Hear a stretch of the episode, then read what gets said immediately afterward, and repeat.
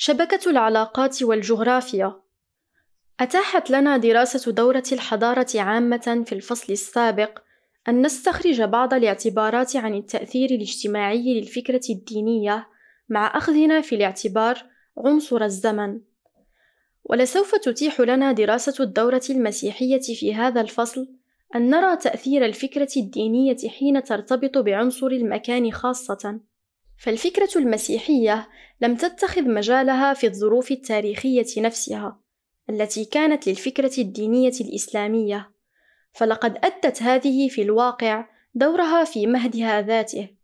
فإذا كانت قد استطاعت أن تحقق أهدافها فما ذلك إلا لأن شبه الجزيرة العربية كانت أرضًا عذراء، تستطيع أية فكرة دينية جديدة أن تمد فيها جذورها. أما الفكرة المسيحية فهي على العكس من ذلك، قد ولدت على أرض مزدحمة بالثقافات والأديان القديمة، فكان من العسير عليها في هذه الظروف أن تجد عناصر اجتماعية حرة كافية كي تحدث تركيبا جديدا. وقد كانت الثقافة الإغريقية والرومانية والديانة اليهودية تحتل منذ عهد بعيد مجال عملها. فلكي تجد المسيحية مجالها المناسب كان عليها إذن أن تغادر مهدها. وهذا هو الذي يفسر لنا كيف أن المسيحية وقد ولدت قبل الإسلام بستة قرون لم تبدأ مهمتها التاريخية إلا بعد الإسلام بستة قرون بعيدا عن مسقط رأسها. وهذه الحالة ترينا أن تأثير فكرة دينية معينة رهن ببعض شروط الجغرافيا الإنسانية. فإذا لم تجدها في موطنها هاجرت لتجدها في مكان آخر والبوذية ذاتها قد اضطرت إلى هجرة مسقط رأسها في الهند بحثًا عن ظروف أكثر ملائمة هنالك في الصين حيث غرست تعاليمها وإذا فقد غادرت الفكرة المسيحية أرض مولدها فلسطين بحثًا عن هذه الظروف في أوروبا الغربية، حيث أنهت الحضارة الرومانية دولتها خلال القرنين الرابع والخامس الميلاديين. وبقدر ما كان مجتمع غربي أوروبا يتحلل ويتفكك، وبالمواد المتخلفة عن هذا التحلل ذاتها، استطاعت المسيحية أن تبني المجتمع الجديد خطوة خطوة.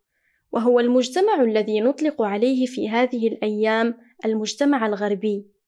وبدهي أن هذه المواد بحكم كونها متخلفة عن عملية تحلل لم تكن لتشتمل على أدنى رباط عضوي فيما بينها.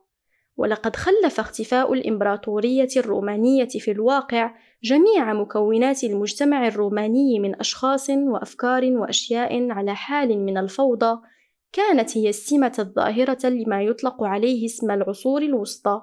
وإذا فلكي تستخدم هذه المواد في بناء جديد كان من المحتم تنظيمها بطريقة أخرى وكانت الفكرة المسيحية هي التي استخرجت النسق الغربي من غضون الفوضى التي أعقبت الحضارة الرومانية ولقد ألمح جيزو إلى تبيان هذه الحالة وهو المؤرخ الذي يظل حتى بعد قرن من الزمن صاحب الكلمة المسموعة بصدد الحضارة الأوروبية، فقد حدثنا جيزو أن تركيب هذه الحضارة كان من عمل الفكرة المسيحية.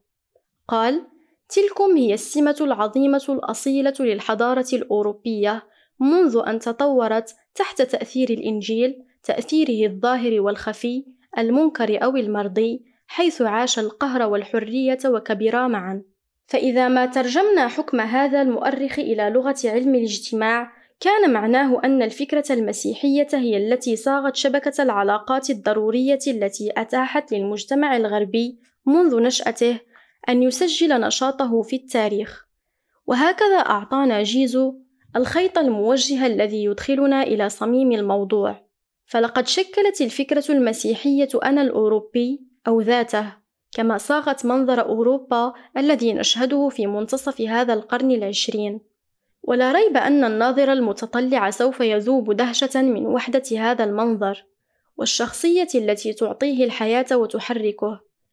فإن أوجه التشابه بين الأشخاص والأفكار والأشياء هناك تعد في الواقع في منتهى الوضوح. وبرغم هذا فإنها تلك ظاهرة عامة. والحق أن تطور الإنسانية هو ما يحدث من نمو في مشاعرها الدينية المسجلة في واقع الأحداث الاجتماعية، تلك التي تطبع حياة الإنسان وعمله على وجه البسيطة. نشرت المجلة العالمية ديوجين في عددها الثاني عام 1953 مقالًا هامًا في الموضوع بقلم بيير دي فونتين الذي أعطانا لمحة أخاذة عن التفسير الديني في الجغرافيا الإنسانية. وقد أرانا الكاتب تحت هذا العنوان كيف أن الإنسان لم يستخدم ذكاءه في جهات كفاحه ضد عناصر الطبيعة وحدها. فهناك على ما ذهب إليه الكاتب الإنسان والغابة والإنسان والريح والإنسان والماء والإنسان والقفر إلى آخره. وهناك أيضا الإنسان في مواجهة ذاته بل في صراعه مع عناصر هذه الذات مع أفكارها ومع مشاعرها وهذا العمل الروحي قد طبع أيضا الجغرافيا الإنسانية حين نثر على سطح الأرض الواقع الديني ونتائجه المرئية في المنظر ولا سيما فيما يتصل بالإعمار والاستيطان والاستثمار والمواصلات. ونحن نرى اليوم في المنظر الأوروبي نتائج هذا العمل الروحي الذي تم خلال ألفي سنة من تاريخ المسيحية. وما كان لعمل كهذا أن يتم إلا بفضل شبكة العلاقات الضرورية لوجود النشاط المشترك في المجتمع الأوروبي. بيد أننا إذا أردنا أن نتتبع أداء هذا العمل خلال القرون فكأننا نتتبع إجمالا مجرى تاريخ أوروبا كله. وعليه فإن كتابة تاريخ أوروبا أو وصف عملها الروحي هو تعبير عن اضطراد واحد بطريقتين مختلفتين. أي إننا إذا ما تحدثنا عن الظاهرة الأوروبية أو الظاهرة المسيحية فإن حديثنا سيكون مخلصا لشيء واحد لأن إحداهما متركبة على الأخرى على الخريطة وهي تتفق معها في الزمن والظاهرتان كلتاهما ترجع إلى الأخرى. مهما بدا لنا أن بينهما أحيانا تعارضا ظاهريا.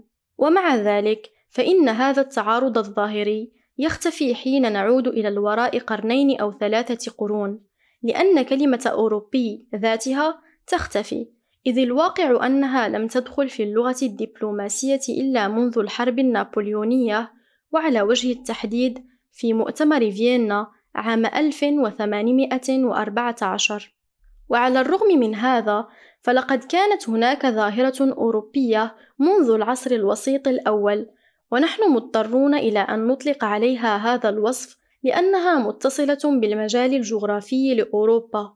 وإن كان الواقع مرتبطا بالإطار التاريخي أي بالفكرة المسيحية أو إذا شئنا تعبيرا آخر بالعمل الروحي للفكرة المسيحية تحت تأثير العامل الزمني خلال رحلتها من مسقط رأسها وتأقلمها بأوروبا. فكل حدث يسجله الزمن في ملحمة من ملاحم التاريخ الأوروبي هو في الواقع نوع من التجسيد للفكرة المسيحية. ومن الممكن أن نتتبع النشاط المشترك الذي قام به المجتمع الأوروبي وأن نلاحظ خاصة بعض جوانب هذا النشاط حتى نخرج منه باللوحة التالية على سبيل المثال. الظاهرة الأوروبية نهاية الحضارة الرومانية الإقطاع اللاتينية لغة الكنائس والجامعات الحروب الصليبية النهضة الإصلاح الاستعمار الذي بدأ منذ اكتشاف أمريكا ثورة 1848 التي أثرت في أوروبا كلها. ولو أننا ذهبنا إلى أن الحروب الصليبية وثورة 1848 هما تجسيد مختلف لفكرة دينية واحدة، فمن المحتمل أن نتوهم أن في الأمر تناقضًا، لأن الحدث الأول ذو دلالة مباشرة على نشاط الفكرة المسيحية، بينما يترجم الثاني عن نوع من التيار الصادر عن الأفكار الاجتماعية واللادينية. التي نمت في الثقافة الأوروبية مع فلسفة لوك والعلمانيين الفرنسيين. فهناك إذن تعارض ظاهر بين ما ينبعث مباشرة عن الفكرة المسيحية وما يأتي عن الأفكار اللادينية. والواقع أن هذين الحدثين نتيجة النشاط المشترك لعالم واحد من الأشخاص والأفكار والأشياء.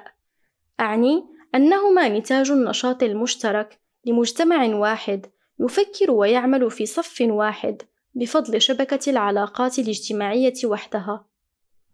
ومن ناحية أخرى، لو أننا نظرنا إلى أحداث اللوحة السابقة منفصلاً بعضها عن بعض، فربما هدمنا بذلك وحدة التاريخ العضوي، بل على العكس من ذلك، نرى أن كل حدث منها يجد تفسيره في الأحداث السابقة عليه. فثورة 1848 قد تخلقت بالصورة نفسها التي تخلقت بها النهضة أو الحروب الصليبية، أعني أنها تمثل نوعًا من تجسيد الفكرة المسيحية.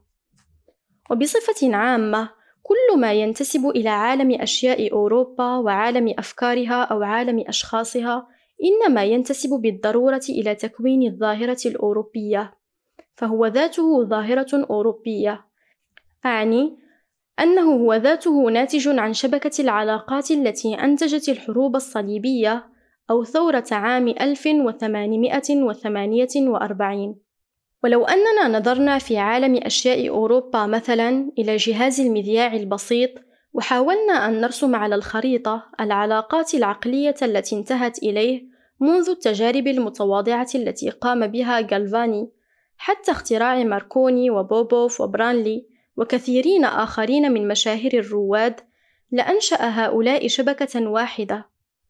ولو أننا رسمنا بعد ذلك على الخريطة ذاتها العلاقات التي أنتجت الإصلاح أو النهضة فلسوف نجد أنفسنا أمام الشبكة نفسها التي تفسر كل ظاهرة أوروبية على أنها ظاهرة مسيحية.